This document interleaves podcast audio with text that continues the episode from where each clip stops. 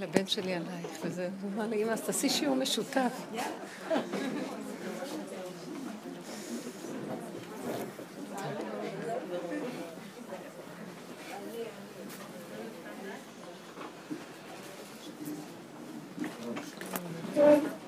ערב טוב, מה שלומכם?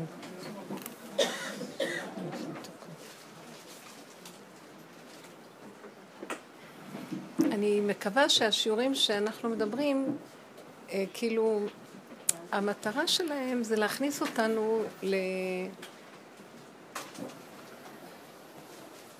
להכניס אותנו למין תודעה אחרת. זה דבר שהוא תהליך, אפילו אם אתן לא מבינות, זה קורה במילא. הדיבור הזה, אני ממש מרגישה את זה בהמון שיעורים במשך השנים. הוא יוצר מצב של תודעה חדשה. מה המטרה? באמת המטרה להכניס תודעה חדשה למציאות שלנו. אה, תראו, זו תודעה אחרת, זו תודעה של אמת, ישרות, פשטות. היא שונה מהמציאות שלנו פה, של התודעה של עץ הדעת, של תחרות וכבוד ופרסום וקנאה וכל המידות האלה. היא תודעה פשוטה, אינטליגנטית פשוטה. היא מחוברת ליחידה של כל אחד ואחד. אין לנו כבר כוח לתחרות, אין לנו כוח לחקות את עצמנו ולהיות מה שאנחנו לא. אין לנו כוח לרצות. אנחנו לא רוצים להשקיע מאמץ בשקר החברתי הזה והמשפחתי הזה וכל צורת החיים שלנו. אנחנו רוצים לחיות חיים אמיתיים, טובים, פשוטים, נסבל לחם ונהיה טובים. זה לא זה לא תודעה של אה, עשירות והולל... אפילו בוא נגיד המילה הוללות, בוא נגיד, אבל זה, זה איזון שלא חסר דבר. משהו עדין, פשוט, אמיתי, שלא תלוי בהחצנה, איך שאנחנו חיים. אנחנו מאוד מאוד, התודעה שלנו היא תודעה תפוקה. היא תודעה שכך כדור הארץ, בגלות שלו שנים, אבל יש זמן עכשיו שמאותתים לנו על גאולה. יורד אור חדש לעולם. ואנחנו צריכים לדעת איך לעשות את המעבר, כי זה מוחץ. אז הדיבורים האלה עושים את המעבר. אבל התוצאה תהיה, כמו שאמרתי עכשיו, ואני מרגישה את זה יותר ויותר, ממש מדהים.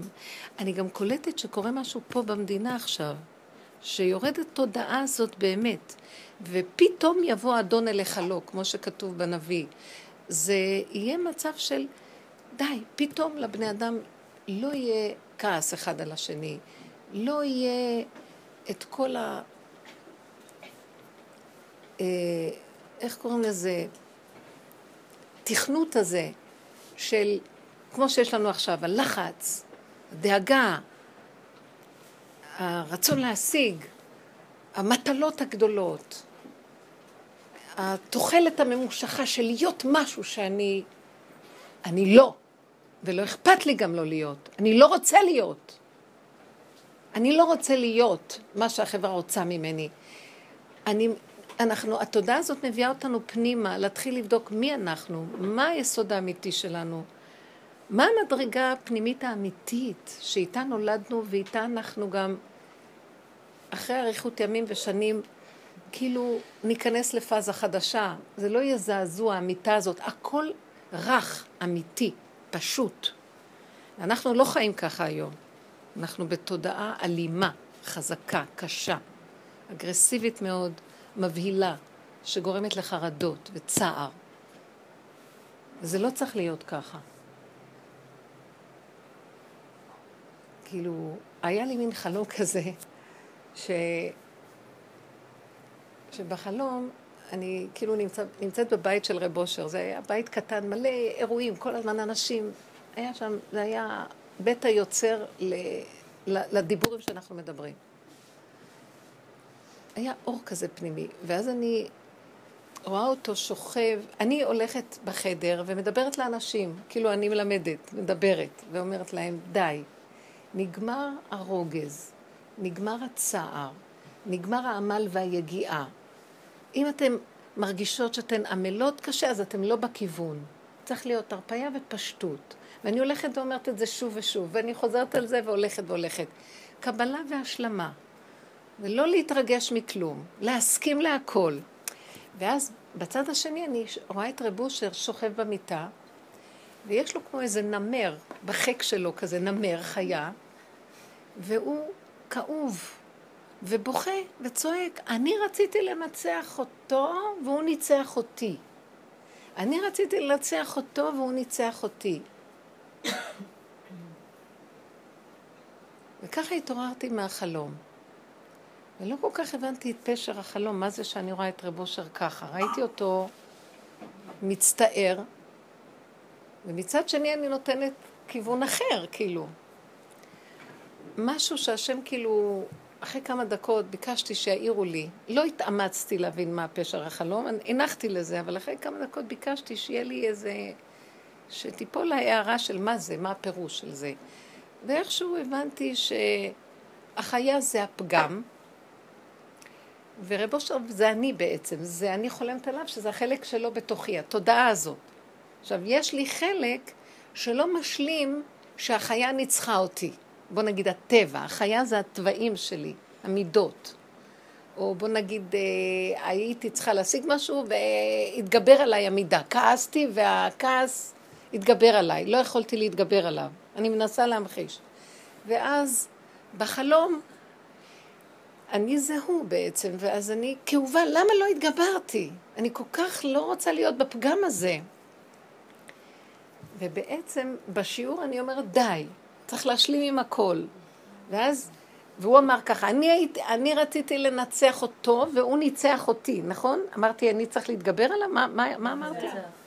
לנצח, זו הייתה המילה. לנ... אני רציתי, והוא ניצח אותי, אבל אני צריך לנצח אותו והוא ניצח אותי. ואז אמרתי פתאום לעצמי, ההשלמה, החלק הזה השני שדיברתי, כאילו העיר לי על החלום. ההשלמה והקבלה של הכל, איך שזה ככה, בתוצאה שלו, זה הניצחון. זה לא הניצחון לנצח את הדבר, ואז אני מנצחת, יש לי רגל על הדבר, ואני באתקפיה, לא, נגיד התקפיה, נכון? אני כופה את הדבר ויש לי שליטה עליו. בחב"ד, תורת חב"ד אומרים התקפיה. אלא אני משלימה שאני לא יכולה, שזה גדול עליי. וזה בס... אני מקבלת שכעסתי. אני מקבלת שכעסתי, אני מקבלת שאין לי, אני לא יכולה להתגבר עליו. אז אם הוא יתגבר, זה לא, הוא לא יתגבר, ככה זה צריך להיות. בתוכנת עץ הדת הוא יתגבר, אני אתגבר עליו. הוא לא ניצח, אני אנצח אותו. זה כל הזמן המלחמה הזאת. נגמרת המלחמה. אין כוח למלחמות יותר. אנחנו גם מרגישים במהלך האחרון של המלחמה האחרונה פה, שיש לה משהו מוזר במהלך שלה, וכל הזמן אני חשה שהדרך הזאת מובילה, אולי אם הם יודעים, אולי בלי תודעה ידוע, בלי שהם יודעים, הדרך הזאת מובילה, היא נכנסת בעולם. הכוח השלישי מופיע בעולם. גילוי האלוקות מופיע בעולם. איך הוא מופיע? זה כבר לא הדרך של העולם, לנצח, שיהיה לנו זה. זה ככה זה.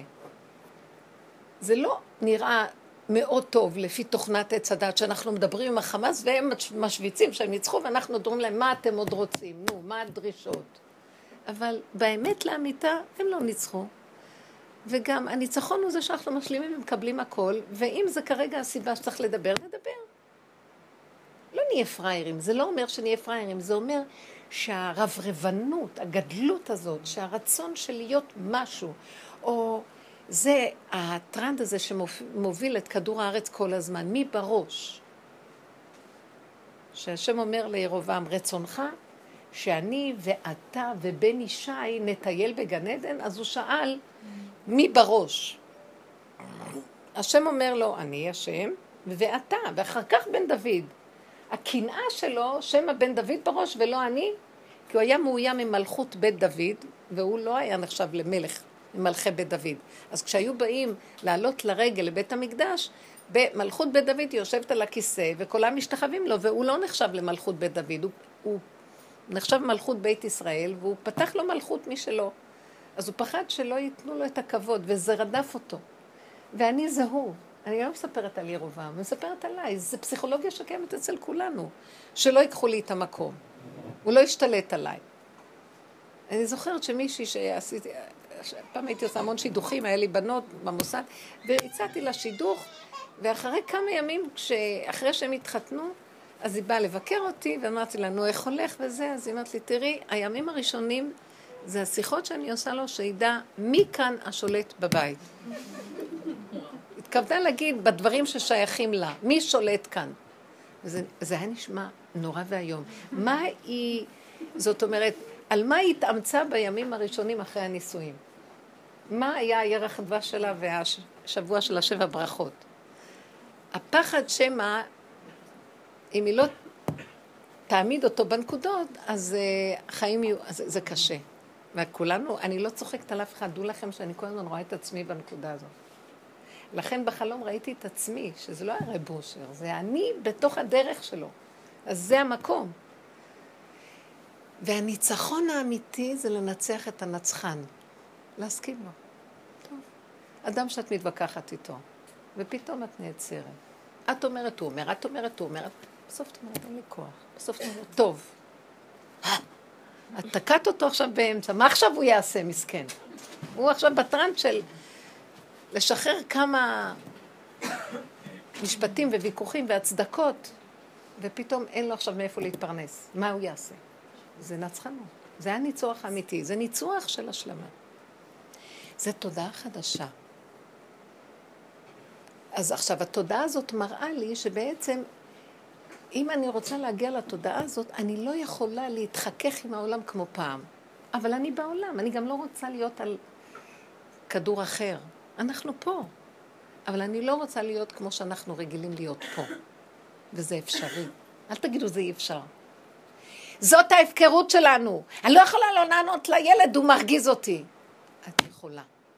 צריך להיות לנו כבר כוח שמושך אותנו. אני לא רוצה להשתתף במשחק הזה, נמאס לי. לא רוצה. לא רוצה לענות. אז uh, הוא העליב אותך ופגע בך, ויש מקום שתחזירי לו מה, ש... מה שמגיע, שהוא ישמע ש... שיעליב, שיחזיר. זאת אומרת, זה מראה שאנחנו מתחילות לעשות התכנסות פנימית בדלת אמות פנימי, ושם אנחנו מפתחים את יסוד היחידה. אני לא מתנתקת מן הכלל, אבל אם אני מפתחת את היחידה, היא הפתרון שלי להתייחסות שלי לכלל. יש בה את כל הקוד לתת לי את האנרגיה הנכונה איך להיות בעולם, ולא להתערבב עם הקלקול הזה ולהשתגע מזה. ואז אני חייבת לעשות את זה ברמה כזאת שהרוב יהיה פה, זאת אומרת, עיקר המציאות שלי אני משקיעה ביחידה, ובעולם הם רק הסיבה להזין את יסוד היחידה, להיכנס ולצאת. מה שהיום אנחנו עושים הפוך לגמרי. היחידה הלכה לאיבוד. מי כל כך בקשר עם עצמנו? אנחנו לא יודעים מי עצמנו בכלל. ורוב הזמן אנחנו באינטראקציות עם העולם, בגירוי ותגובה משוגעים לגמרי. ש... בוא נגיד שהעולם הרבה פעמים מכסה ביפייפות, ואז נראה חיובי ו... ואחדות וחברה, אבל זה עדיין לא חיבור אמיתי ליחידה. אנחנו גם כן מתייפייפים, משקרים, וניזונים מאיזה תדמית חיובית חברתית נחמדה של אחדות וזה וזה. אבל זה שטחי, זה לא אמיתי. האחדות האמיתית נובעת ממקום אחר, שאני מאוחדת עם היחידה, ואני לא תלויה ביפייפות חיצונית לאחדות. ואני אוהבת כל אדם שבא בקרבתי באותו מקום, כי אני מאוחדת עם הנקודה שלי. וזה הדבר הנצחי יותר, שהוא לאורך זמן יוצר את הקשר היותר נכון עם הזולת. אתם מבינות מה אני אומרת?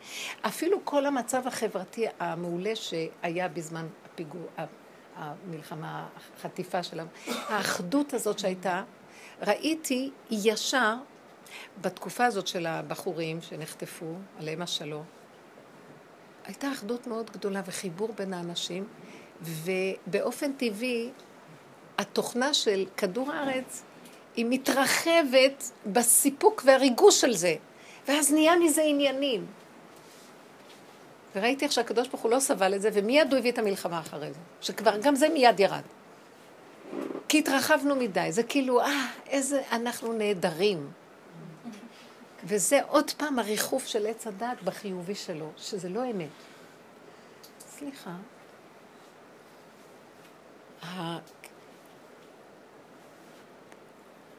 אני מגיעה למסקנות מאוד עמוקות, יפות, עדינות, אבל הן אמיתיות. שגם מדרגת היהודי שלי, אני רוצה להתרוקן ממנה. גם הקשר שלי עם ארץ ישראל, בידיעה שלי, בעץ הדת, אני רוצה להתרוקן. אני רוצה להתחבר ליחידה, זה הגילוי שכינה. והיחידה,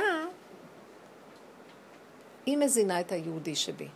היהודי הוא לא מציאות, הוא צינור של גילוי השם. ארץ ישראל היא לא מציאות, זה צינור ששם השם הולך, מבחינת מקום גיאוגרפי בדבר. יש זמן, יש מקום, יש דמות. זאת אומרת שעץ הדת לוקח את היהודי ואומר, אני יהודי, אנחנו עם. העם הוא לא מציאות, הוא צינור של השם כעם. ואם אנחנו צינור למציאות העם, אז השם מתגלה בצינור הזה. אבל אם אנחנו עם, ועוד אנחנו חושבים שאנחנו מתרחבים בעם ישראל, מיוחדים, אז אומות העולם מתחילות לשנות אותנו, כי אנחנו גם כן עם וגם הם עם. אנחנו לא עם ככל העמים. ואתם תהיו לי ממלכת כהנים וגוי קדוש. זאת אומרת שאנחנו כעם של השם, ואז הוא שומר על העם הזה, ואנחנו הולכים בחוקיות שהוא נתן לנו, ואין לנו מציאות עצמית של עם. מכוח זה שאנחנו הבנים שלו, אנחנו עם. אבל אם ניתקנו אותו, את היחידה, שזה השכינה, מזה, אז אנחנו עם שחייב להחיות את עצמו מהתדמית של העם. ואז יש בזה כל מיני דברים טבעיים. יש כפייתיות בעם הזה, ואז יש שלילי ויש חיובי, ואנחנו משתדלים להיות עם. ואז אנחנו אבל עם סגולה, אז יש לנו כבר אפילו כותרות. ואז אנחנו מנפנפים שאנחנו עם סגולה, והגויים רק לזה מחכים ולא סובלים אותנו, ואנחנו מעוררים את חמתם, ויש צדק בדבריהם. כי הם היו מיד נכנעים לעם ישראל אם אנחנו היינו צינור לגילוי השם בתוך העממיות שלנו. הבנתם מה אני מדברת? היו נכנעים ליהודי מיד. אם היהודי לא היה מצד עצמו מציאות, והוא היה צינור לגילוי היחידה, והיחידה מחזיקה את היהודי. כולם היו מכירים בגדלותו. תבינו מה אני אומרת? זה לא גדלות בשביל גאווה, זה גדלות כי זה באמת נכון, כי הוא צינור של משהו גדול, זה כמו נביא, הוא צינור. אז מיד שהוא מדבר, כולם מכירים את השם שבתוכו שמדבר. ככה זה צריך להיות. מה עשינו? הפרדנו את היחידה, הלכנו, עץ הדעת הלך על הכן ולא, חיובי שלילי, וכל הזמן אנחנו מנסים להישרד בעולם, וכל הזמן מכלים בנו. כל הכיליונות שהיו זה רק בגלל הנקודה הזאת. שולחים לנו את ירמיה הנביא, והוא מדבר על העניין הזה מאוד מאוד. ידע שור קונהו וחמור אבוס בעליו. ישעיה הנביא מדבר מזה. כל הזמן המקום שהוא אומר, אני נותן לכם כיוון, אני רוצה שיהיו שייכים לי. מכורח השייכות אליי, שזה מדרגת היחידה, ששם נמצאת האלוקות. כי היחיד והמיוחד והיחידה זה דבר אחד. מכורח הקשר לדבר הזה, שם מתקיים כל הטוב שבעולם, ואין, המלחמה היא לא שלי. וגם הישועה היא לא שלי, הישועה היא של השם. על עמך. הישועה להשם על עמך ברכתך סלע. כשיש ישועה, השם מתגלה, יש לנו ברכה. זאת אומרת, מה כאן קרה? יש איזה מין אגו בעץ הדת, תודעה של אני, שגונב כל הזמן את המקום הזה, והוא מנסה לחקות את האלוקי, אבל לשיטתו זה חיובי. זה שקר, החיובי הזה שקר. למה? בגלל שאם יש חיובי, יש שלילי. אני לא רוצה לא חיובי ולא שלילי. נכון ששנים עבדנו על זה, כי שמו אותנו במקום הזה. אבל עכשיו נפתחת תודעה חדשה של הנוטרלי. זה כמו באטום, לא? יש אלקטרון שזה השלילי והפרוטון שזה החיובי, ויש הנוטרון, לא? שזה זה הגילוי שכינה בעצם, זה קו האמצע. והקו הזה עכשיו מתחיל להתגלות מאוד חזק, ואנחנו צריכים כלים להכיל אותו, וזהו, זה הפתרון של הקיום שלנו. אין לנו כאן פתרון מול האומות. אין לנו פתרון מול כלום. לדעתי, כדור הארץ במצב שממש, אל תחשבו, כל הארגונים האלה, כמו הדעש הזה וזה, זה השם שולח אותם. הוא רוצה לחסל את העולם שלו. זה לא עולם. התודעה של כדור הארץ חייבת ליפול, ונכנסת תודעה חדשה. ואם, אז הוא מביא את זה דרך השלילה של הכיוון הזה, זה לא חשוב מה. כאילו המערב יותר ברמה והוא חיובי. הוא משקר. נכון שזה מזעזע, הצורה שזה נעשה. אבל אם אנחנו לא נעבוד בצורה נכונה על המדרגה האמצעית, אז זה חס ושלום יכול להיות כואב, זה מה שהנביאים אומרים. אם לא תשובו, אז כך וכך וכך. למה שאנחנו חס ושלום ניפגע בצורה הזאת?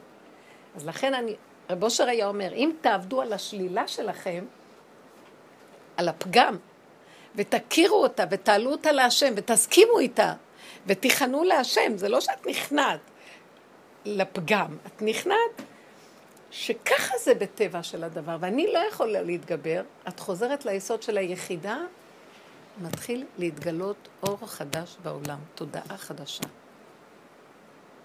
מישהי רצתה לשאול משהו. זה... כן. ברוך אתה אדוני אלוהינו מלך עולם שהכל נהיה בדברו.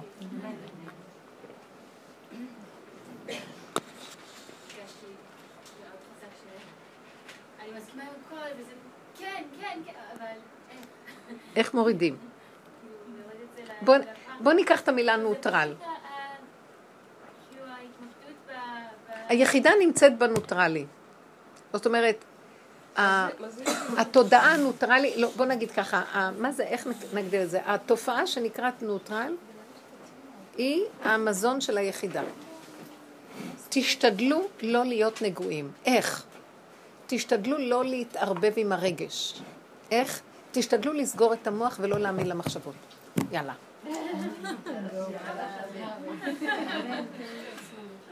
עוד פעם, אם סוגרים את המחשבות ולא מאמינים להם, כי זה המזון של עץ הדת, זה המחשבות, אז הרגש גם לא מתרחב, אז את גם לא מתערבבת באחיזות רגשיות, את יותר בקלות יכולה לסגור ולהישאר נוטרלית. מה דעתכם?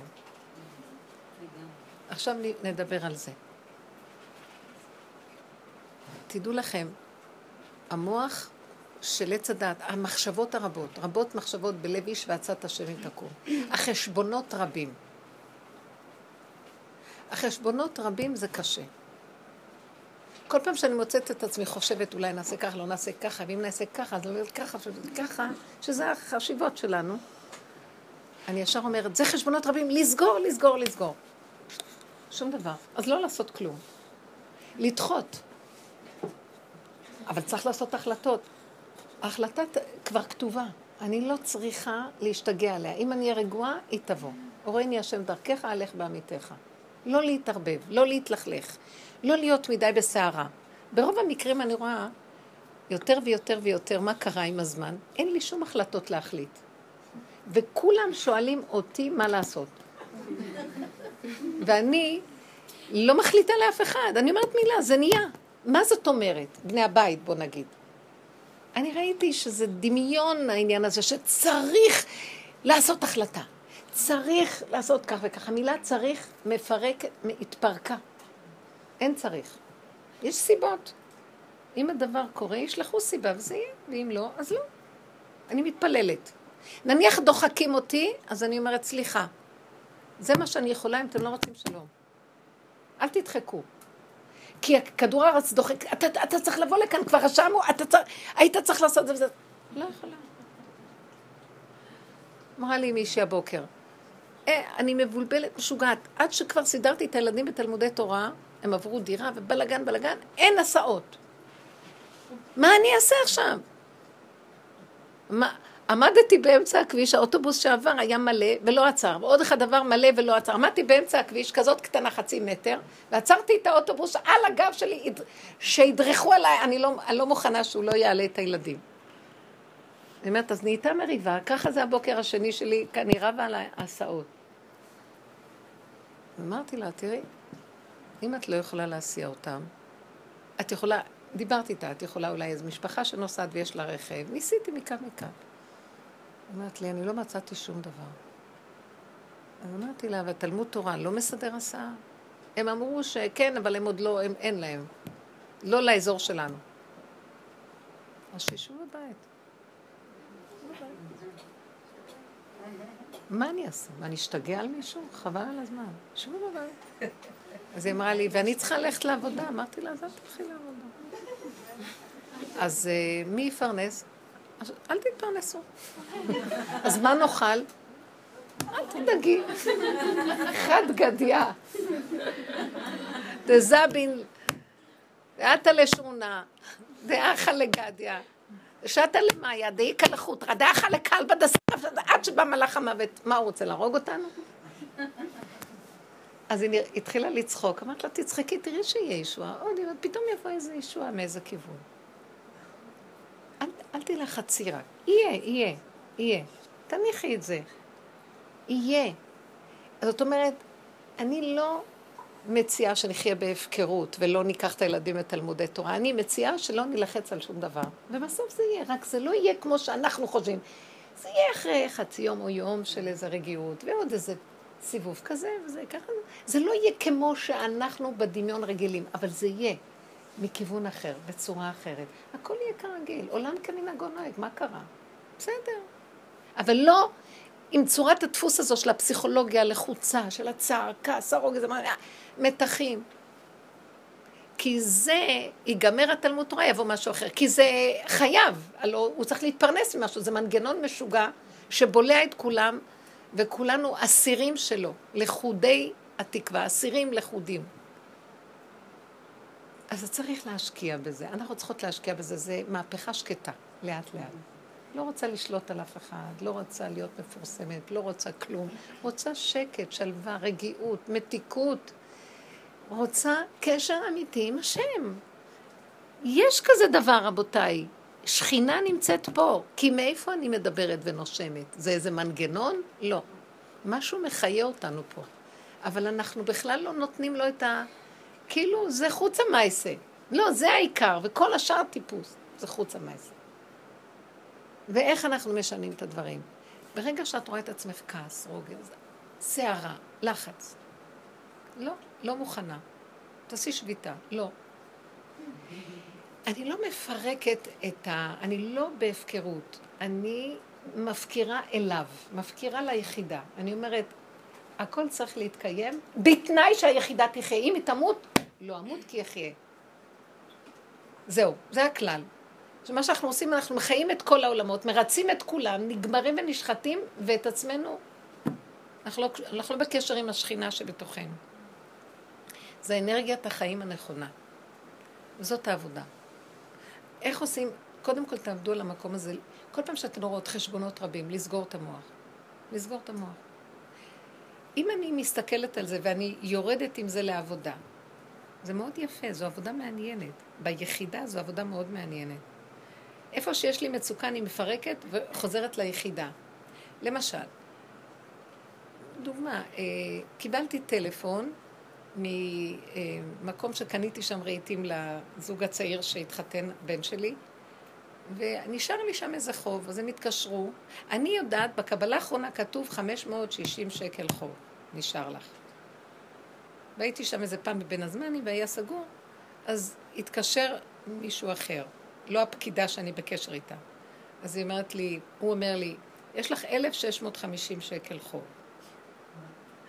אז ישר ראיתי איך שהנשמה פורחת לי על המקום, ואני בלחץ ממנו. ואמרתי לו, כמה שידוע לי, זה, זה 650 שקל. אני עוד מנסה לשלוט בה.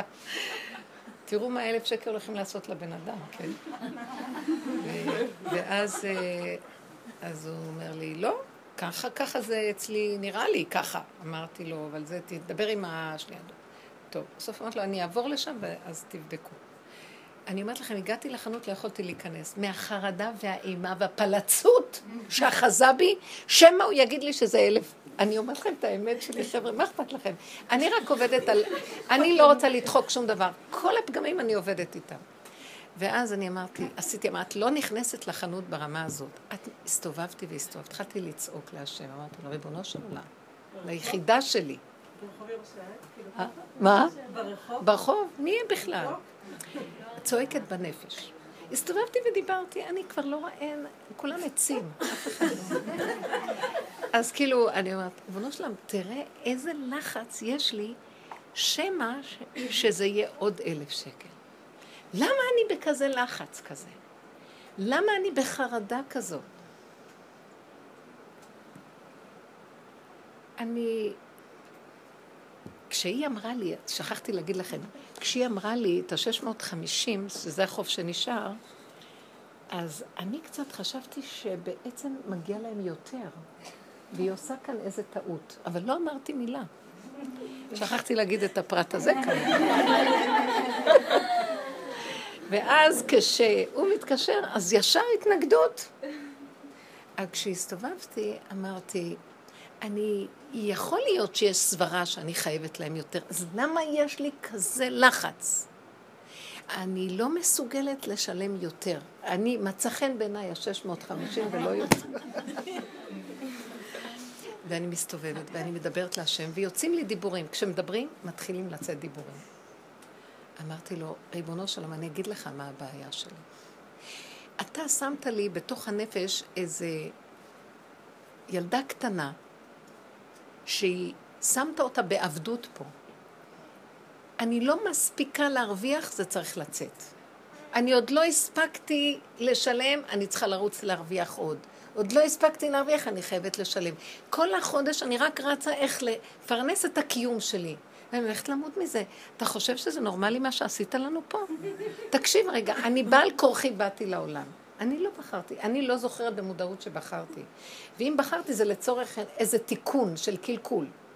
אז אם אני כל פעם מתגלגלת משמע שכל פעם אני מתקנת משהו אחר, זאת אומרת שאין סוף, אם אני אבוא לפה תמיד אני אקלקל, תמיד אני צריך להתגלגל. תשמע, תקעת אותי באיזה דבר, ואם אני באה לפה, ואם אני באה לפה, אז זה גוף, הוא צריך להתפרנס. לא בדין שאם הבאת אותי, אז אתה תיתן לי קורת גג בחינם, ואוכל בחינם, כל תינוק בא לעולם וכיכרו בידו.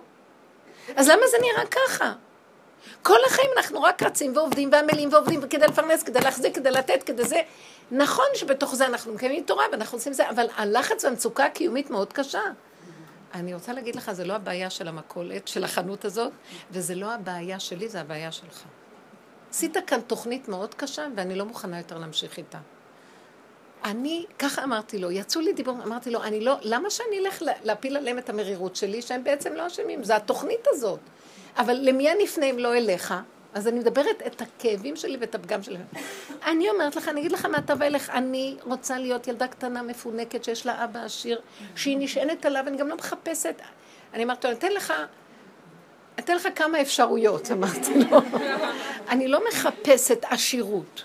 או שתיתן לי עשירות, שמתי שאני ארצה אני אוציא ולא יהיה לי אף פעם חסר ולא אצטרך לדאוג, בוא נגיד, כי אני מאוד מאוד עשירה, שאיך אני אשלם את זה ואת זה, או שתיקח ממני את הדאגה, ולא יהיה אכפת לי בכלל מהתודעה הכלכלית, לא יהיה את המוח הזה, ואז מעבירים כמו ש... אני יודעת מה, בהמות עמך, מעבירה.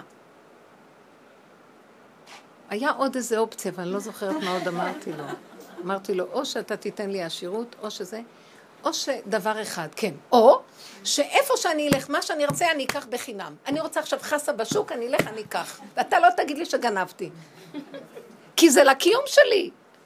ואני רוצה להגיד לך שאני לא אקח דבר שאני לא רוצה, כי אין לי סבלנות כבר לקחת שום דבר יותר מדי. בגלל שאין לי כוח לעבוד יותר מדי לקלף ירקות, אני צריכה את הבדיוק ירקות. ראיתי שאני קונה יותר ירקות, זה המון עבודה. וכשאני קונה יותר אה, חומרים, אז אני צריכה לנקות אותם, לסדר אותם, ואין לי סבלנות. אז אני החלטתי רק מה שצריכה בדיוק. אז אל תדאג, אני לא אקח יותר מה שצריך בעולמך. אבל אני רוצה שמה שאני צריכה יהיה בחינם. שמעתם? עכשיו.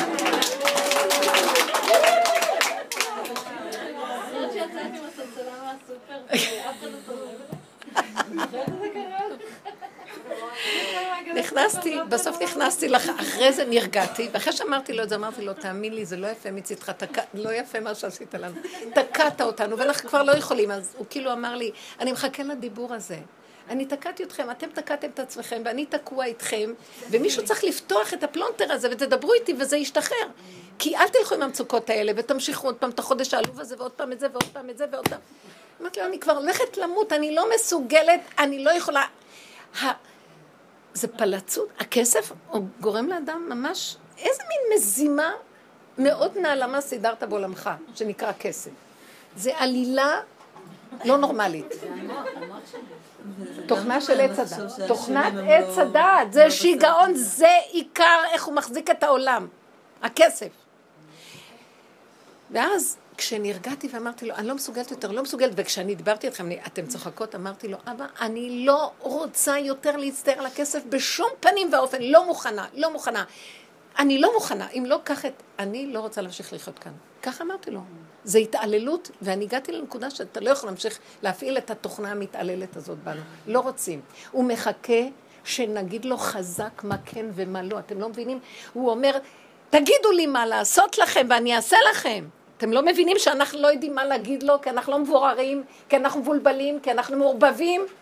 ואז הוא מעורבב איתנו, אנחנו שיכורים, והוא שיכור איתנו, אתם לא מבינים? וכשהבן אדם מתחיל להתעורר ולראות והוא מדבר והכל, הוא גם מתעורר איתו, וכשהוא אומר לו מה לעשות, מיד הוא שולח ביקום הזה, בבריאה הזאת, הוראות חדשות, וזה עובד. נכנסתי לחנות. אבל זה כבר היה, הייתי רגועה. האחיזה בכסף ירדה לי כי כבר סידרתי איתו סידור. הוא חייב להתגלות באיזושהי צורה. אני אחר כך אמרתי שהיית צריכה לא לתת יותר מדי אופציות, את צריכה להגיד דבר אחד.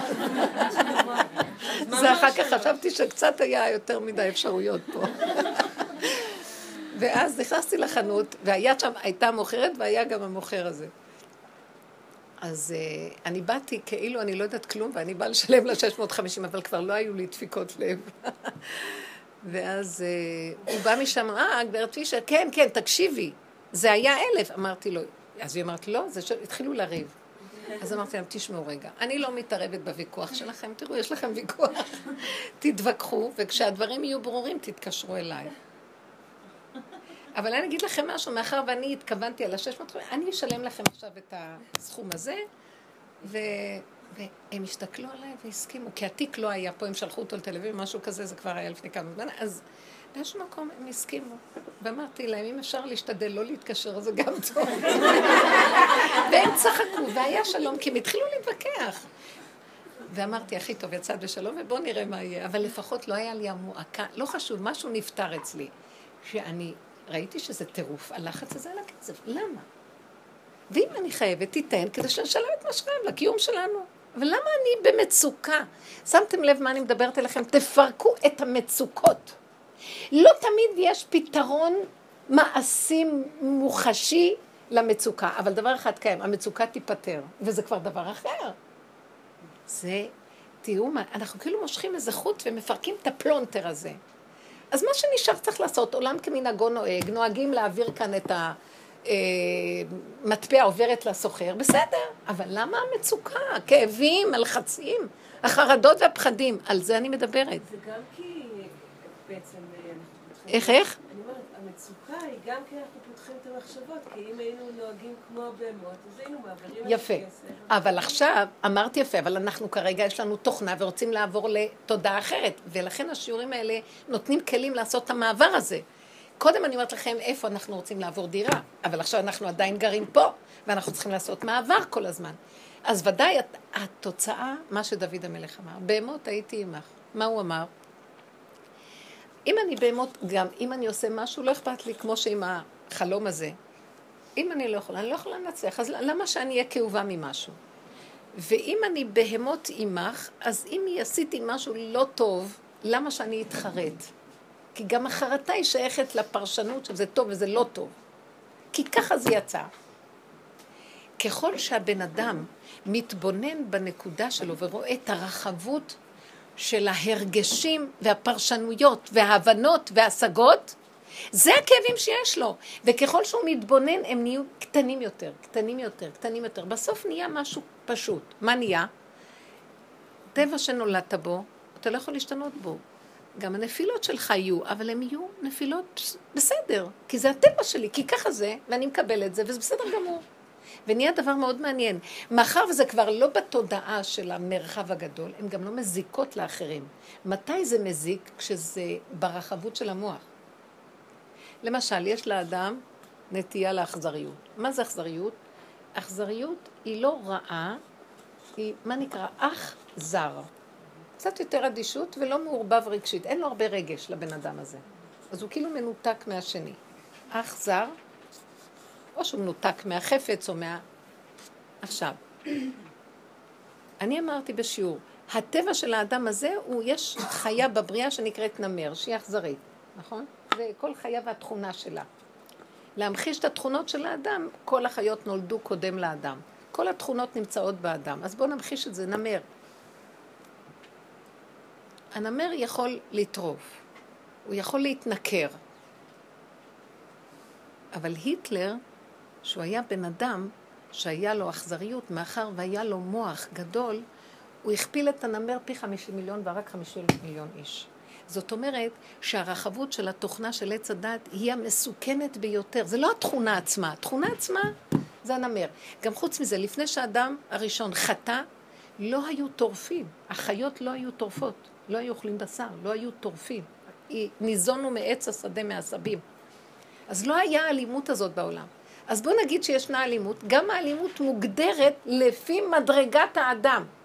אם יש אנשים אכזריים בעולם, החיות יהיו יותר אכזריות. אתם מבינות מה אני מדברת? החיה תלויה באדם, כי האדם הוא מושל בבריאה. אז אם יש רוע של בני אדם בבריאה, גם החיות הן רעות יותר. זאת אומרת, המוח של עץ הדת הוא האחראי לכל הבלבול שיש בעץ הדת. זאת אומרת שכשאנחנו סוגרים אותו כמה שיותר, וחיים יותר קטן ופשוט עם התוואים הפרטיים הפשוטים שלנו, אין בהם, השם לא כועס על זה שהוא הוליד את האדם עם טבע של נמר. אין על זה חטא. יש על זה חטא אם המוח של עץ הדת מצטרף, המידה עולה לדעה, והדעה מתרחבת, עכשיו זו סכנה מאוד גדולה שהוא יפגע באנשים, נכון?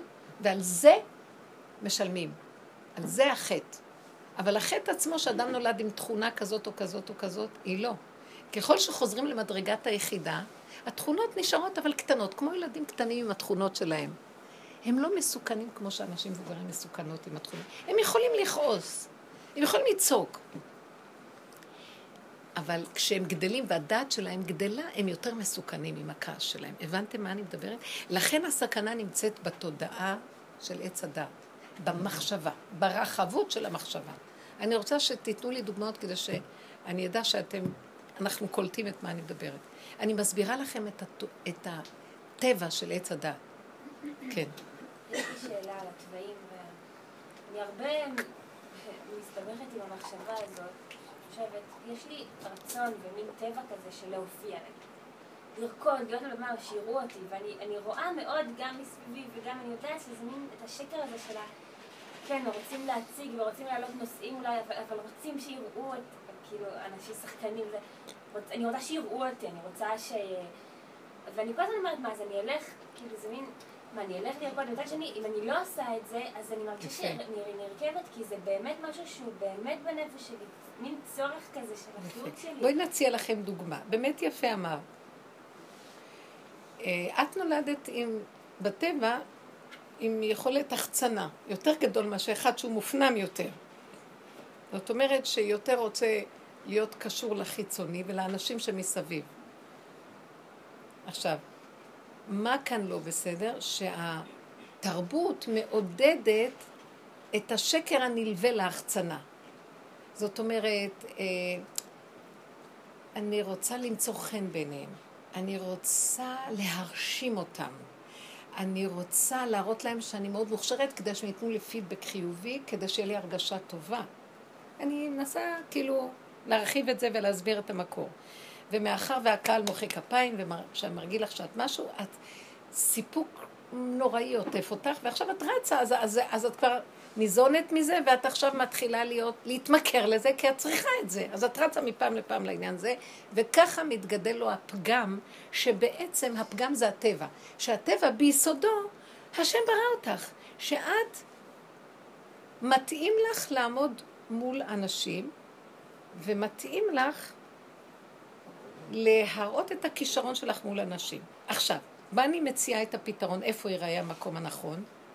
כי את נולדת ככה. שימי לב, את עולה לבמה ואת עכשיו מציגה את מה שאת עושה מול היחידה שלך. את, טוב לך שאת על הבמה עם עצמך.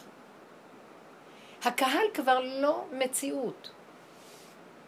דווקא במחשבה שלי, בוא ננסה לעזור לקהל, נעשה פידבק, נעשה נענה. לא, לא, לא, לא, תקשיבי עד הסוף, יפה, זה עץ הדת גונב, שיש קהל, ואז אני מאוד יעזור לו, הדת גונבת, ואז האני הוא האלוקים של עץ הדת, והוא ישפיע עליהם דברים טובים. אני מציעה לך, קחי את הטבע, תעמדי. כשאת עומדת מול הקהל תגידי, אותו דבר אני פה, הנה, אני דוגמה טובה לדבר הזה. אני מדברת מול קהל, מול אנשים הרבה שנים, ויש לי את הנטייה להסביר, לדבר, להרצות, להורות. שנים, אני מורה הרבה שנים, ניהלתי הרבה, עשיתי דברים.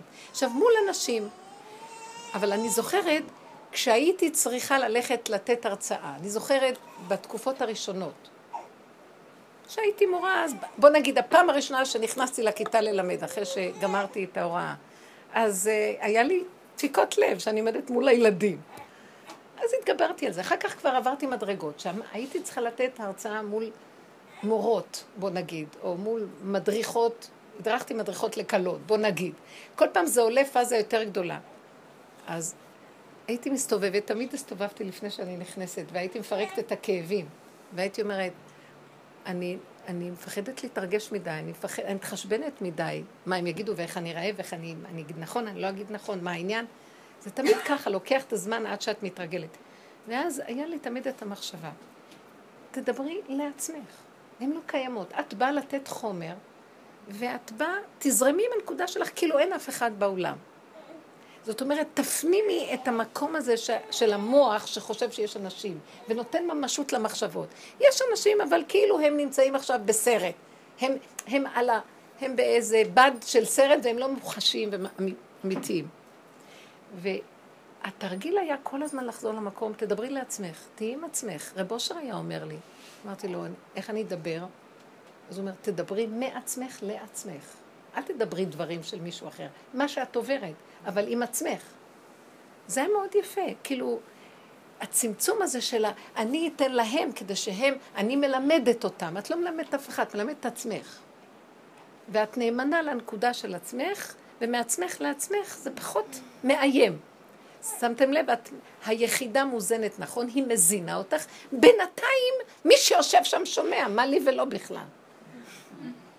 זה, את מבינה את המקום הזה? אז כבר לא מתפתח השקר הזה של התלות הזאת. אה, הם רואים אותי, הם שומעים אותי, איך הייתי, לא הייתי, מה אמרתי.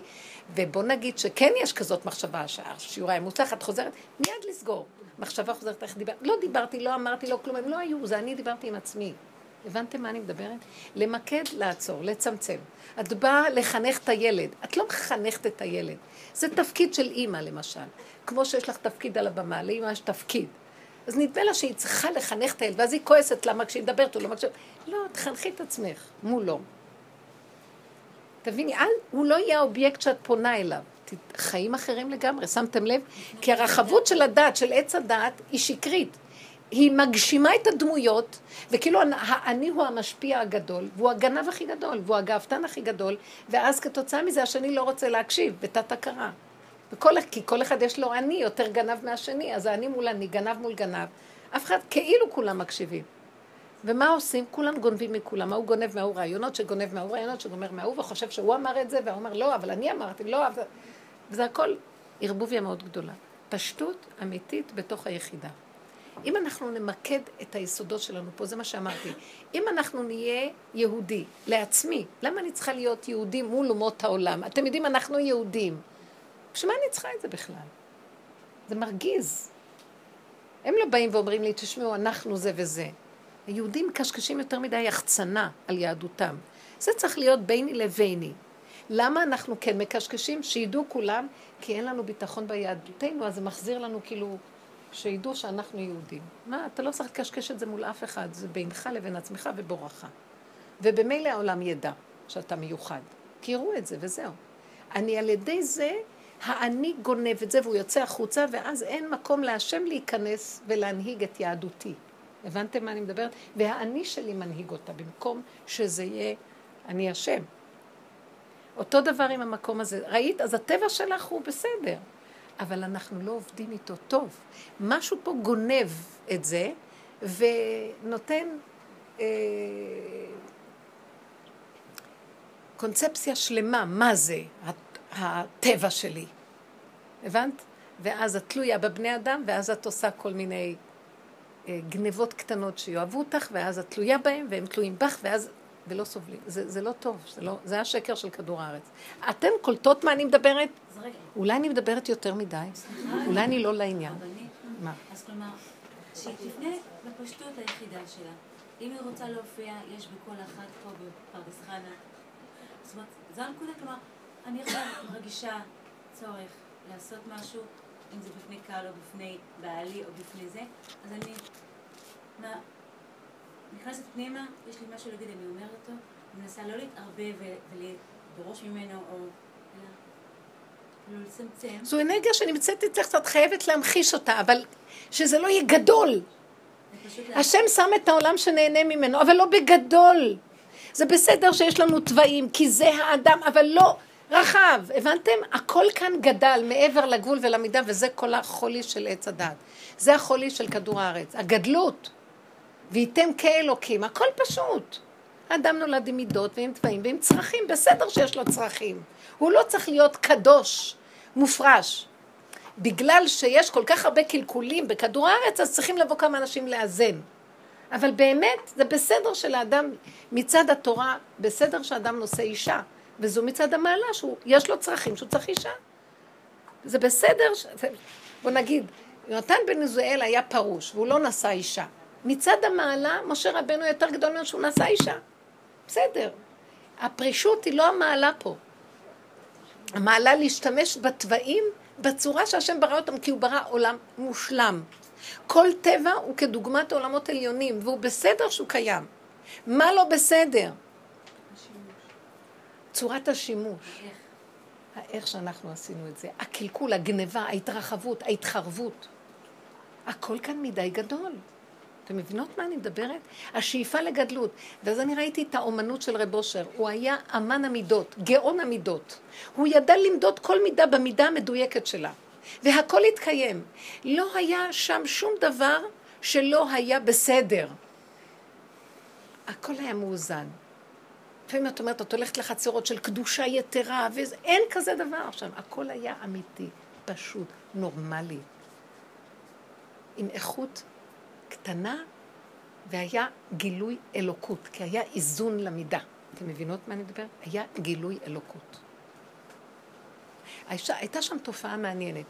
היו, הבית היה קטן, וזו הייתה חצר לא גדולה, והיו מלא גברים ומלא נשים שבאו לרב.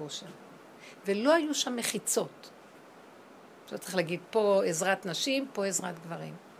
והגברים והנשים הלכו כפסע אחד מהשני. ואף פעם לא נגע אף אחד בשני, ולא היה תחושה של פריצות, חס ושלום. זו הייתה חצר חרדית. זה היה מעניין מאוד. זה היה הכוח של הצדיק. לא צריך לשים מחיצות. אף אחד לא יעבור את הגבול. שום דבר לא יעבור את הגדר שלו. אתם מבינות מה אני מדברת? זה היה משהו, היה. היה דיוק, בזכות האור של הצדיק והדרך שלו. הכל היה מדויק. זה היה מאוד מאוד מאוד מיוחד. לא היה שם מצב כזה שבוא נגיד, אה, רב אושר היה חרדי, אז הרוב יהיו חרדים. לא. היו חרדים, והיו חילונים, והיו חסידים, והיו מזרוחניקים, והיו ליטאים, והיו חסידים, והיו נשים, והיו גברים, והיו ילדים, והיו הכל היה שם.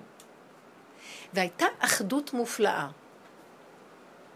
מה גרם שתהיה אחדות? והוא לא אמר לבן אדם, בא אליו מישהו ואמר לו, אז אני אשים כיפה סרוגה, אמר, אני אהפוך לכיפה, רצה להפוך את הכיפה לשחורה. אמר לו, לא, תשאר עם הכיפה הסרוגה. הוא לא רצה שאנשים ישנו. ישנו. מה הוא רצה לומר בזה? לא הכובע קובע, ולא העניבה גורמת לענווה, ולא המעיל מועיל. תישארו איך שאתם ותדייקו במידות. והשם יסדר אחדות במילא. הוא יתגלה ותהיה אחדות מדהימה. ולא יריבו, כי אם זו שיטתך, תישאר בשיטתך. ואם זו שיטתך, בסדר, כל השיטות בסדר. רק לא לריב עליהם.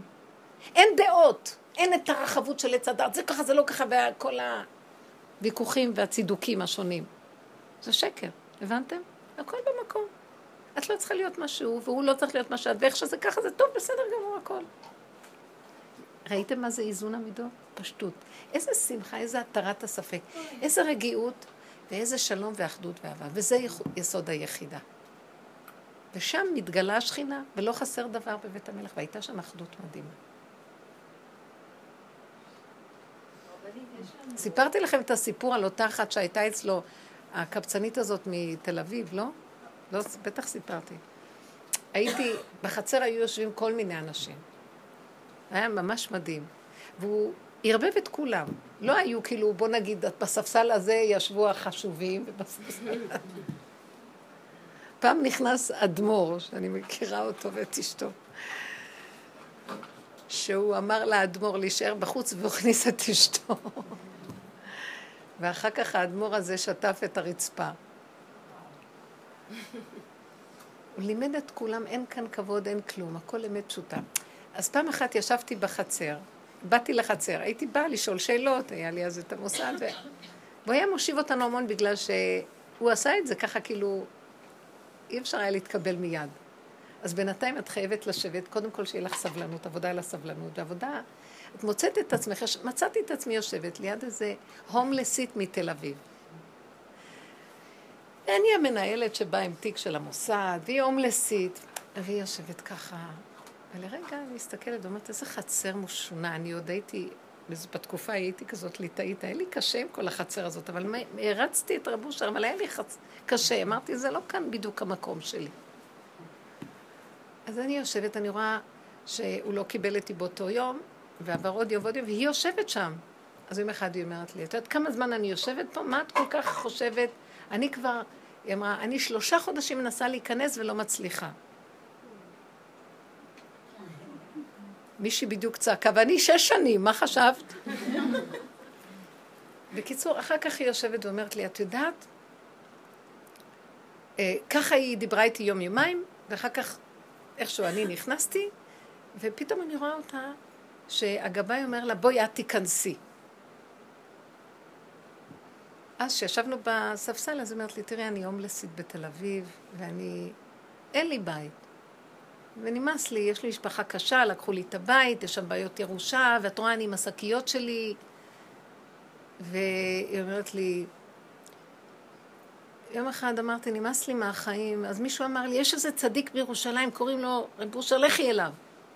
אז הנה באתי, ואני יושבת כאן שלושה חודשים, אז היא אמרה לי בספסל, ולא הצלחתי להיכנס. בסוף אני נכנסתי, ואחרי כמה זמן אמרו לה, תיכנסי. אחר כך כשיצאתי, יצאתי החוצה, ודיברתי עם איזה מישהי, ואחר כמה זמן היא גם יצאה. אבל ככה זה, ואז היא באה אליי וסיפרה לי את מה שאני מספרת לכם. היא נכנסה. עכשיו הכניסו אותה לבית, עוד רבע שעה היא חיכתה, ואחרי כמה זמן הכניסו אותה לחדר של רב אושר. אני נכנסה לחדר של רב אושר, היא מספרת לי מה שעכשיו אני מספרת לך. והיא אומרת, אני רואה, ראיתי איזה זקן יושב בפינה. איזה הומלס כמוני, כנראה מאיזה עיר. ואז אני אמרתי לו, תקשיב רגע, אני הייתי כאן קודם, אני לא מבינה איך מכניסים שתיים בבת אחת, אז תדע לך שאם הצדיק נכנס, אני קודם. אז הוא עושה לה טוב. המשיך להיות בפינה, מחכה, מחכה, מחכה. היא אומרת, והצדיק לא נכנס, ואני כבר מתחילה להגיד, מה הולך פה? אני מסתכלת על הזקן, אז הוא אומר לי, מה הבעיה שלך? זהו, נגמר לי המוח, ואז התחלתי לדבר איתו, ואני אומרת לו, אני הומלסית, אין לי בית, וקשה לי. אז הוא אומר לה, ותראי, גם לי אין בית. את רואה את הבית הזה? זה לא שלי. הם עושים פה מה שהם רוצים. אני אמרתי להם לסדר לי את הכיור הזה דווקא פה, והם דווקא עשו לי את זה פה. אין לי שליטה על כלום, את יודעת? אני גם הומלס. הסתכלה עליו, היא אומרת, אני מסתכלת עליו, והוא מדבר, והוא המשיך לדבר, ואני אפילו לא קולטת מה. הוא בירך אותי. יצאתי משם, אז כשהיא דיברה, אז היא פונה אליי, היא הלוא סיפרה לי את הסיפור הזה, כי חיכיתי שם והיא פנתה אליי. אז היא אומרת לי, את יודעת מה? הוא שחרר אותי מהצער למה אני הומלסית, ופתאום אני אומרת, זה בכלל לא נורא שאני הומלסית. מה רע בזה שאני הומלסית? שמתם לב מה הוא עשה לה? הוא לא סידר לה בית. הוא סידר לה שהתודעה המסכנה שרודפת אותה, על המסכנות העצמית שלה והכעס שלה על המשפחה, הכל נפל כי היא סיפרה לו כנראה. והכל נפל ואמר לה, אין לנו פה כלום, אז מה? הנה, את רואה, אני גם אין לי כלום. אז מה את מחפשת בחיים שלך? ואז היא אומרת לי, תראי איך יצאתי דווקא רגועה בכלל. ואחר כך הייתי פוגשת אותה, כי הייתה באה לחצר, והייתה אומרת לי, תראי, את יודעת מה קורה? אני נשארתי בירושלים, אין לי בית. אני ישנה עוד בחדר מדרגות פה, ופעם אצל מישהי פה, ופעם אצל... אבל אין לי כבר מרירות בכלל. ואני מכירה אותה, היא אחר כך הייתה ישנה בכותל, אני מכירה אותה, אישה שיצרתי איתה קשר. אני אומרת לכם, אחת הצדיקות, זה כבר לפני עשרים שנה, אחת הצדיקות הירושלמיות שאני מכירה. היא ישנה בכותל, אוכלת, לא יודעת איך להסביר לכם, והיא שמחה, יש לה פנים של שכינה. מה הוא עשה? הבנתם מה הוא גרם לה? אם זה התיקון שלה. את עכשיו בעצם מסמלת שכינה בגלות. קחי את זה באהבה ותראי שהכל יסתדר. הוא הוציא ממנה את המרירות הנוראה. עכשיו, עץ הדת, אתה רוצה שתצא לי המרירות, תביא לי בית. טוב, לא אמרתי שלושה חדרים, אבל שני חדרים, נו. ושזה יהיה, אם אפשר, במרכז העיר. ואם אפשר גם שחלק מהמשפחה שלי ימותו, ויהיה לי איזה ירושה. יש איזה מישהי שכל פעם באה להגיד לי על הבעלה, איך מרגיז אותה, אז היא אומרת לי, אני מחכה מתי הוא ימות כבר. וכשהיא אומרת לי את זה, אני מסתכלת עליה. ואני אומרת לה, תזהרי, כי כל מי שמתפלל על חברו נענה תחילה, תזהרי. אבל ראיתי איך היא רוצה לפתור לעצמה את הבעיות, כמו ילד קטן, שהוא הרג את הדודה וסבתא ואת אלה, כדי שיהיה לו חיים טובים. וזה לא האמת. אז מה זה כל המוח הזה שנופל? ראיתם? היא אומרת, ראיתי הומלס יותר גרוע ממני, היא אמרה לי. ראיתי מישהו שבעצם במצוקה הרבה יותר גדולה ממני, אז זה שחרר לי את כל הדמיון שלי על עצמי. תראו איזה יפה, נכון? נכון שזה מאוד מעניין, הגישה? מה אתם חושבים? עולם כמנהגו נוהג, אבל מה? הרמב"ם אומר שמשיח, אין בין ימות המשיח לעולם הזה רק שיעבוד מלכויות. כי כשיבוא משיח, עולם כמנהגו נוהג. מה יקרה? הכל יהיה אותו דבר, רק דבר אחד לא יהיה, הפסיכולוגיה הטיפשית הזאת של, של עץ הדת. אז מי שיש לו, אז הוא לא ירגיש שזה נורא, כאילו משהו יותר מכולם, ומי שאין לו ירגיש שכנראה שזה בסדר מה שיש לו. לא יהיה התחרות והקנאה והדמיון הגדול הזה של עץ הדת. יחתכו את החלק הזה, אתם מבינים? כאילו, זה הברית מילה, הוא מלטי את לבבכם, את עורלת הלב, את עורלת עץ הדת. זה מעניין. עכשיו, זה לא נשמע כל כך טוב שהיא נשארה הומלסית, נכון? אתם לא מבינים איזה אושר נסוך על פניה. הייתי לפני כמה ימים בכותל וראיתי אותה שם. קיניתי בה. אני לא סתם אומרת לכם. היא נטולה דאגות. באמת, היא מתוקה, היא, יש לה פני שכינה, היא כל היום פנויה להתפלל ולעשות מה שהיא רוצה. היא שמחה מאוד בחיים שלה. למה את חושבת שאני יותר טובה ממנה? למה? מה? אז אם ילד נטולי דאגות, מה נעשה? איך? אם ילד נטולי דאגות? ש? ילד נטולי דאגות, מה נעשה? כן. מי זה? בקול רם. לה- להבנתי קצת.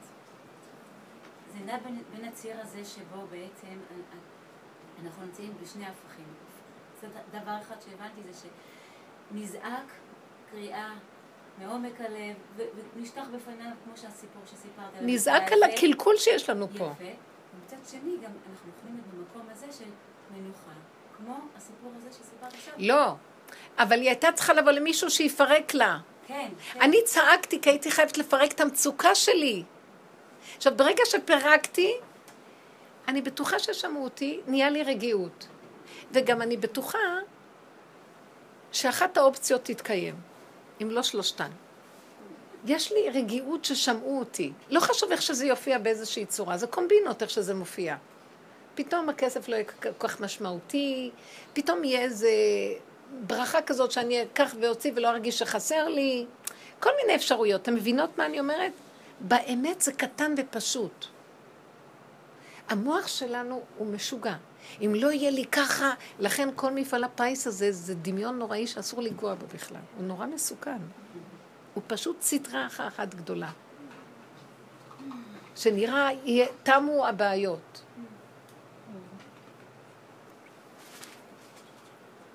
התודעה האמיתית, הפשוטה, הקטנה, זה מה שיתחיל להיות. התקטנות, התמעטות, זה גילוי שכינה. כי אתם המעט מכל העמים. לא מרובכם חשק בכם השם, כי זו תופעה של אומות העולם. כל התרבויות ניזונות מהתרבות המערבית. התרבות המערבית היא קשה מאוד. זה התרבות שלנו. אני רואה שהשם שולח את כל ה... את כל ה... זה מאוד קשה, האלימות הזאת שיש להרוג אנשים. אבל אנחנו גורמים לזה. רוב ה... אומרים שאנשים שבארגון הזה הם בעצם בריטים והם כל מיני כאלה, מין ערב רב של כל מיני אומות שמתוסכלים מהמציאות של עצמם, אני לא יודעת מה הם. לא יודעת כלום. אני רק אומרת, התסכול בכדור הארץ יוצר מצב לא טוב. אבל אנחנו גורמים את זה. בואו נתחיל להתמעט פנימה ולעזוב, לעזוב את התופעה הזאת, לעזוב את התודעה הקשה הזאת של עץ הדת, כן. אה, יש לנו גן, גן חדש שנפתח.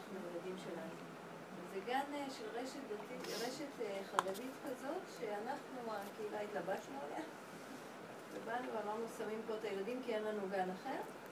אבל הגננת לא נראית לנו, זה לא נראה לנו, ונראה לנו, ומחר אנחנו מתכנסות, 13 נשים קדושות ומתוקות, אבל אני, אני ממש חוששת מהמפגש, כי הדעה שלי והדעה שלי והדעה זה, ונראה לנו, ויש, ויש לנו שיטה שאנחנו רוצים, אה, דרך מעיינות רבי חייא, שאנחנו רוצים שהיא תיכנס לזה, ודעות ודעות ודעות, וכאילו, ואני אומרת... מאוד מאוד מסוכן. אה? מאוד מסוכן. ויש שם גננת שפשוטה, כן, לא יודעת. לא מה השיטה שלה? היא ממש... בת יעקב. בת יעקב. בית יעקב. בית יעקב. חרדית מבית, מבני ברק. היא באה עד לשם כל יום? לא, לא. היא בחדרה. במקור היא בבני ברק, ועכשיו שנתיים בחדרה. אישה פשוטה, נחמדה, אבל כאילו ממש נראה ש... מאוד, אה, נקרא לזה, אם זה מיושן, אה, לדעתי.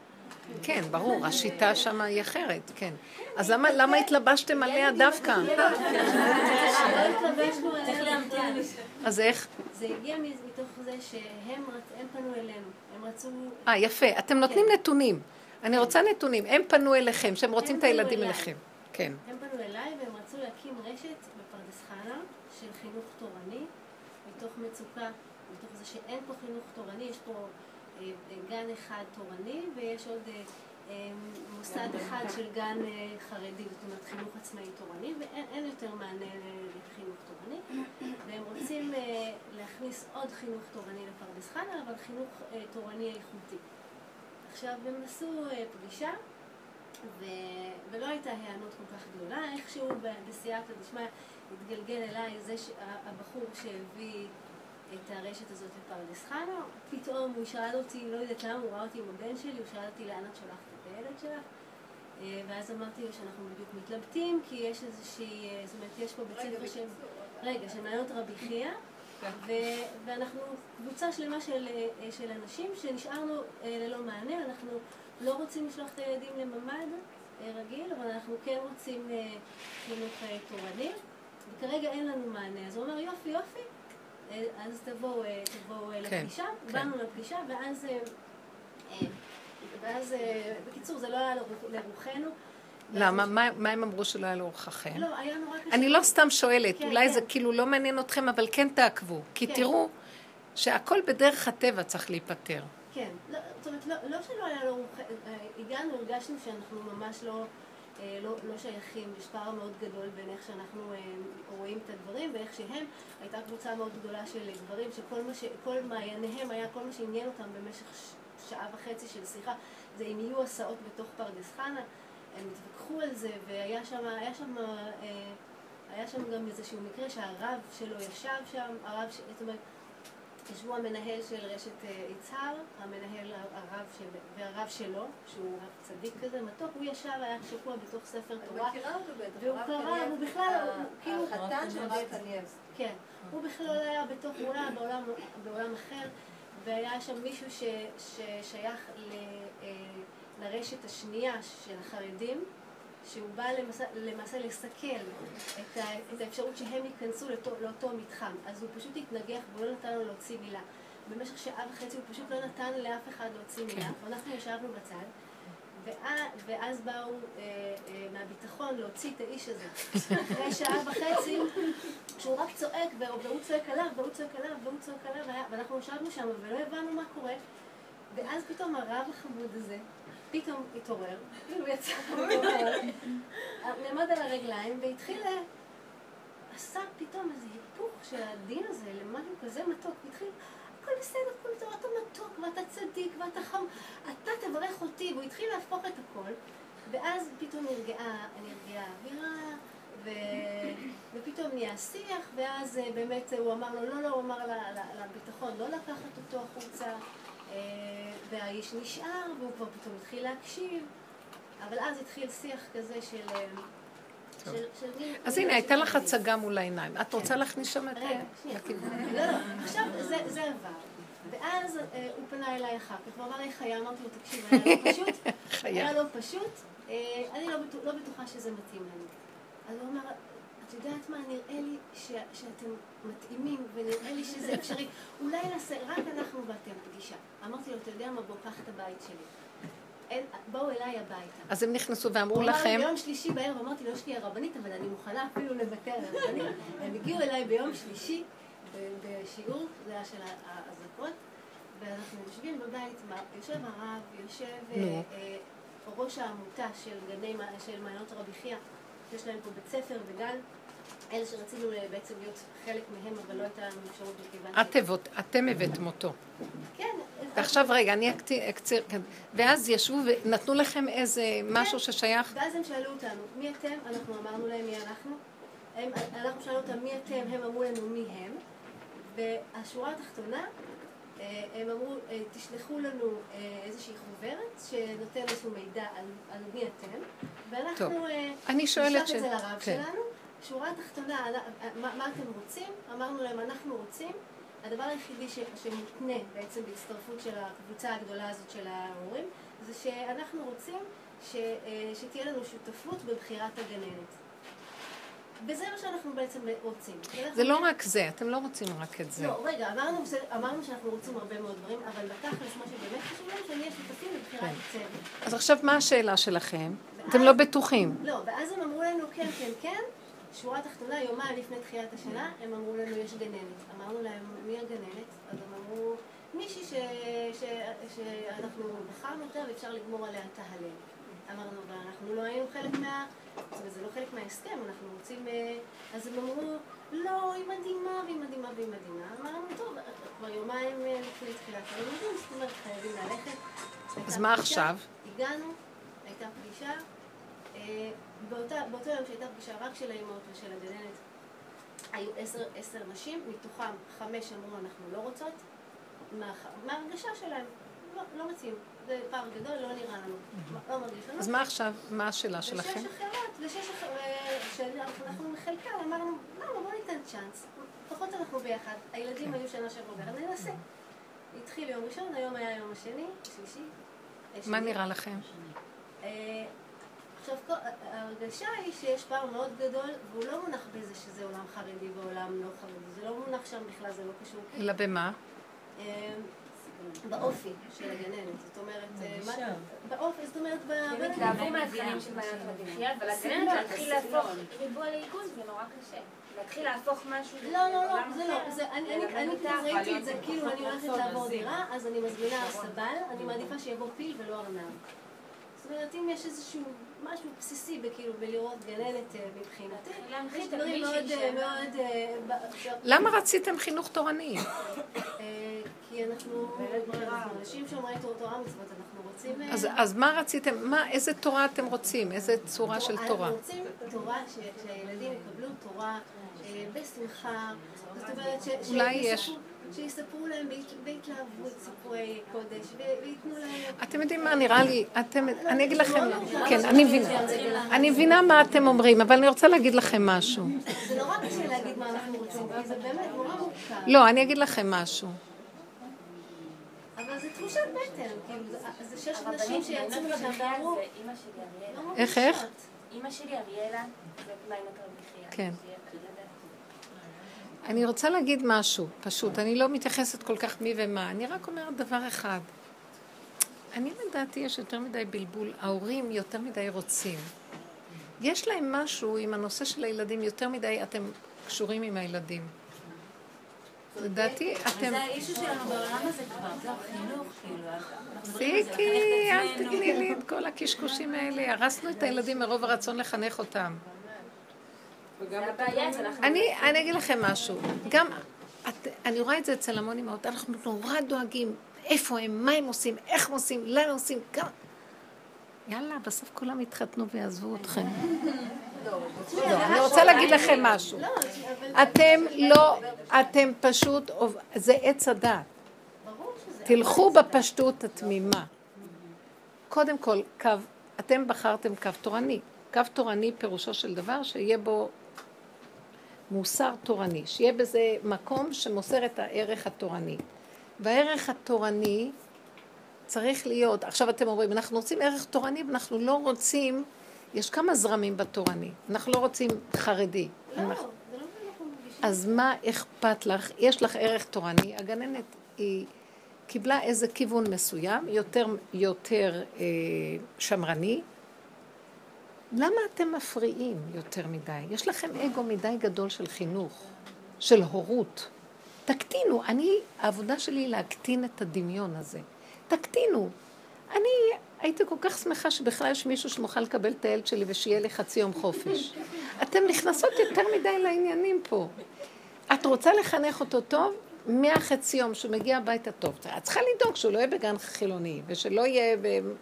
בדרך כלל, אומרת, גן חרדי אותנטי, יכול להיות שיש בזה משהו טוב, כאשר בבית אתם לא מאוד חרדים, אז הבית יאזן את החרדיות, ואז הוא כן יקבל משהו, בסיס. אבל הבעיה היא לא החרדיות, כי הילדים שלנו היו בגן חרדי בשנה שעברה. אז מה הבעיה? הייתה מדהימה. חמה. מאיפה את יודעת שהיא לא? תני לה צ'אנס. אולי, עברו יומיים. תנו לה, אבל אתם מאוד ביקורתיים ומדי כבר המוח... זה עניין של... סליחה, שחררו. אני לדעתי. לא. לא צריך שום דבר. שחררו, תהיו חברות שלה, תקרבו אותה. אה, תנו לה הרגשה שהיא בסדר, ואתם איתה. אין מושלם. אני אגיד לכם, למה גננת? איך, איך, אני עוד לא קיבלתי, חוץ מכל הדיבורים, ש... קצת הפריע לי שהם באו והצורה הזאת שיש לפעמים אצל הסגנון החרדי. אבל הגננת עצמה היא בסדר, הפריעה לי הפגישה שעשיתם, איך שזה היה, אבל הגננת עדיין לא אמרתם עליה כלום, והיא בסך הכל נראית שהיא בן אדם טוב, מקצועי אולי, ויש לה ערכים מסוימים טובים. אתם רציתם רבי חייא, אז לכו לרבי חייא. איך? אין לנו רבי חייא. אין לנו רבי חייא. הם רצו אותנו כרבי חייא בתוך יצהר. כי רבי חייא בתוך, הם ידעו שאנחנו... רוצים רבי חייא? הם משלבים רבי חייא? עכשיו הם התחילו לשלם. אז בסדר, הגננת תלמד לשלב, לא? אבל היא לא יכולה... זהו, שהפער באמת שהיא לא מונחת לעשות. בתפיסה שלה, בחינוך שלה, הוא כל כך גדול, שאולי זה יקרה כן. באיזשהו תהליך שהיא תלמד, ואני לא יודעת. נכון. אז באיזשהו מקום, את יכולה שזה לסדר רבי חייא בבית? תשלימו את זה בבית. מה אתם חושבים? התפיסה של רבי חייא היא דבר מאוד יפה, והוא טוב בכל רגע, בכל מצב, לכל דבר. נכון שאת רוצה שכך יהיה בגן שהם נמצאים, אז בגן שהם נמצאים יקבלו ככה, ואחר כך בבית תתני להם יותר את החווייתיות ואת הקשר עם הדברים. כי יכול להיות שהוא יקבל רבי חייא שם, ויבוא הביתה ובדיוק הפוך מרבי חייא. לפעמים, כן, הבית מאוד קונקרטי, והוא לא, הוא לא בדיוק החווייתיות הנמשכת. אבל אנחנו גם לא כאלה, רבי חייא, רבי חייא. אנחנו לא מהמקום הזה, אנחנו ירדנו מהאש. תשמעו רגע, תהיו פשוטים. אתם יודעים מה? אני אגיד לכם מה אני ראיתי, יש יותר מדי, יש יותר מדי דעת, יש יותר מדי הבנות, יותר מדי שיטות, יותר מדי אפשרויות. התפנקנו ביותר מדי, הדת התרחבה בצורה חולנית. יש כל כך הרבה שיטות היום, אפשר להשתגע. לכו. לא. לא אז תכניסי רבי חייא, אין משהו אחר. לא, אני שואלת, אז מה, אז אין מקום לעשות שום שינוי. למה לא? ניסיתם? לא ניסינו. אז למה אתם מחכים יומיים לפני יום הלימודים? לא, זה לא, זהו, שזה בכלל, אנחנו לא, אנחנו היינו... אני לא מדברת פרטי אליכם, תדעו לכם, תראו את בני האדם, יש להם טענה על משהו. למה? יש משהו מבולבל במוח שלי, שכל הזמן נדמה לו שזה יותר טוב מזה, וההוא יותר טוב מזה וזה, אז אני שואף להכי טוב. אין אחד שנשאר פה מושלם שמרגיש שזה טוב איפה שהוא נמצא.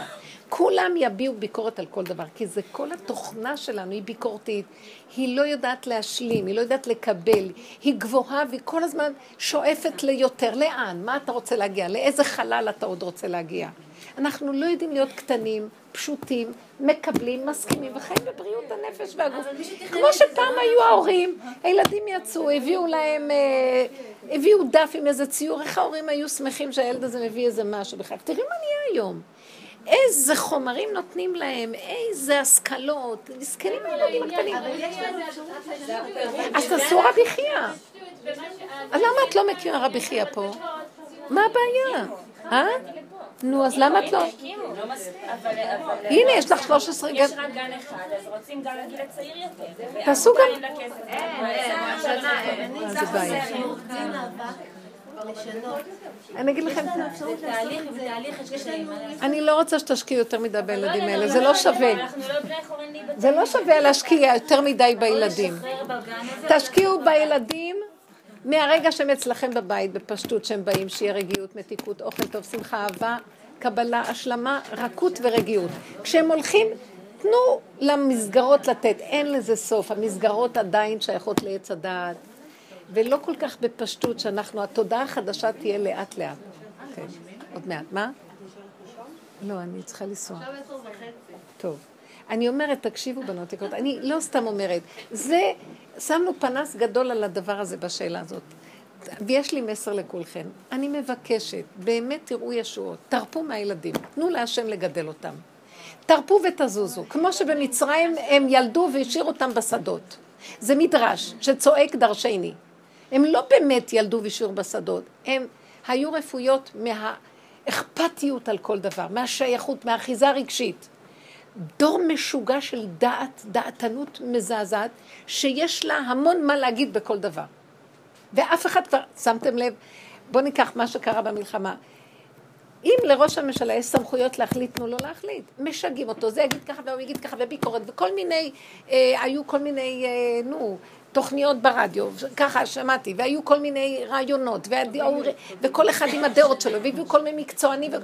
משוגעים לחלוטין, שקט, שקט. אם אנחנו בחרנו מישהו ואנחנו כרגע נותנים לו, אין לנו ברירה, זהו, תתפללו וזהו. יותר מדי לדעת, יותר מדי להתערב, יותר מדי להחליט, לא לתת אפשרות למי שאתם שולחים אותו אליו גם כן להכניס את העניין שלו, ואתם תחליטו לו מרחוק ותקבעו לו. זה שיגעון. אה? איך? זה לא מדויק, רויטל, סליחה. זה לא נראה לי נכון. תניחו, תניחו. מי הם הילדים שלכם שאתם כל כך משתגעים עליהם? עוד משהו, גם כן. אנחנו עשינו מהילדים עבודה זרה, עשינו מהזוגיות עבודה זרה, עשינו מהכל עבודה זרה. תפסיקו, כי יש יותר מדי ערכיות ערכים במוח. תשתיקו את המוח ולכו על האמת הפשוטה. תאכלו טוב, תשנו טוב, ותהיו שמחות בפשטות. הילד חוזר ותקבלו אותו בשמחה. יותר מדי דעתנו. אתם מבינים מה אני מדברת? לדעתי משרד החינוך חייב לפרק, ללכת, ללכת. אתם לא מבינים, חבל על החיים, יותר מדי. לכו עם עצמכם בפשטות. כיף. אני מצידי לא היו צריכים לשלוח את הילדים לגן ילדים. תנו להם לחיות, לאכול, לשתות, להתקיים עם משחקים, עם מה שיש. חבר מביא חבר, יושבים בחברים, משחקים. יותר, יותר מדי מובנה, לא, כי לאימהות יש עצבים. יותר מדי מובנה, יותר מדי מובנה הכל, יותר מדי תוכניות, אני חייבת לצאת. יותר מדי תוכניות, יותר מדי רצונות. שאלה אחרונה, כן. איפה המקום לשינוי? איפה המקום של את באה ועושה שינוי במשהו ש... השינוי צריך להיות ביחידה שלך. קחי את הרצונות שאת רוצה ותגידי, האם אני יכולה להפעיל את התוכנית על עצמי קודם והיא תפעל? אם היא פועלת טוב, התשקיף שלך ישפיע על, השו, על הסובב. ואז חל שינוי נכון. זה, חינ, זה שינוי מתוך החינוך העצמי שהוא יוצר את המציאות שהשני יראה כזה ראה וקדש, בלי דיבורים, בלי מוסרים, בלי אילוף. מבינה מה אני מתכוונת? אמת, פשוטה. אם אנחנו נעבוד ככה, הילדים לא צריכים יותר מדי להתערבב להם. לדעתי המסגרות האלה קשות. אני מצידי לא הייתי רוצה לשלוח את הילדים, בייחוד בנות. את הבנים צריך לשלוח בגיל, לפי מה שהכדור, גיל שלוש ל... כן, ותלמוד תורה, ובגיל חמש למשנה, ובגיל שש ל... כל דבר במקום שלו. בסופו של דבר, הילדים האלה, תנו להם להתפתח. המציאות עושה את שלה. כל ילד והעניין שלו בחיים, האחים שהוא חי בהם, גם נותנים לו איזה עיצוב מסוים, וההורים שלו והכל. הוא מתחנך דרך מציאות החיים. יותר מדי עלינו, לקחנו את הרגליים ועלינו למוח. אנחנו עב"מים מעופפים עם תוכניות. השתגעו הילדים, מסכנים הילדים. הילדים זה הימים הכי, השנים הכי יפות שלהם הם בדיכאון. תדעו לכם, הגנים האלה, וכל, הם, לא, רוב הילדים לא שמחים. רוב הילדים לא שמחים. בבית ספר, לא שמחים. מקומות פשוטים. אני לדעתי, אני לא מבינה, אני לא מבינה, קחו גננת פרטית, שאמא תנדב את הבית שלה, וקחו גננת, אם אתן עובדות, תשלמו לה, שהילדים יהיו קבוצה, עשר בנות בתוך בית. כל אמא משתתפת במשהו, תנו את הצעצועים, את הספרי קריאה, את הפשטות, וכל פעם הגן ינדוד, זה נחמד מאוד. למה צריכים גננת? למה צריכים ממסד? אני כבר יכולה, הממסד הזה משוגע.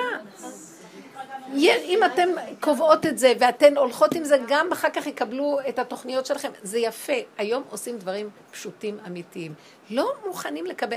למה שמישהו יחליט לי איך לחנך את הילד שלי? אני לא רוצה לחנך אותו. הם מכריחים אותי לחנך אותו, לאלף אותו, כלומר. לא רוצה, אני רוצה שהוא יגדל, שהסיבות מפייסות אותו ונותנות לו עיצוב. החיים נותנים לו את המכה שיוצרת לו צורה. והמתיקות של הבית, אם הוא רגוע, תהיו רגועות, תהיו קטנות, שמחות ורגועות. וזה כל עיקר החינוך. גיל מסוים, כבר יש, הם יקנו המון ידע, יש המון ידע היום גם בלי כל זה. בשביל מה צריך כמה כסף, כמה תחרות בתי ספר? יש מצוקות לילדים מריבוי ילדים סביבם. ילד כזה וילד כזה וילד כזה וילד כזה, והם במצוקות הילדים האלה. תדעו לכם, ילדים חשופים להרבה מצוקות. יותר טוב שישבו בדלת אמות עם קבוצות קטנות. למה אי אפשר לעשות את זה? למה שהבנות לא ישבו? נגיד כיתה א', שישבו, אז אה, מישהי, אמא תתפלל, תעשו החלפות של אמהות, אמא תתפלל איתם, תגיד תהילים, יאפו, הבנות יכולות לאפות, יעשו בצקים, פשוט, פשוט, הכל פשוט, והשם משמח אותנו. תודה רבה, מתוקות. יישר כוח גדול. ברוכות זה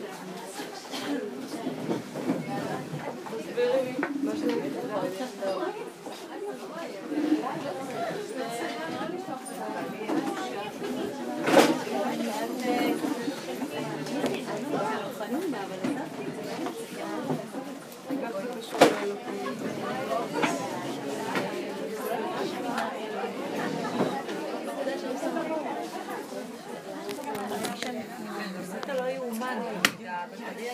הדוח וזה מקליל עדיין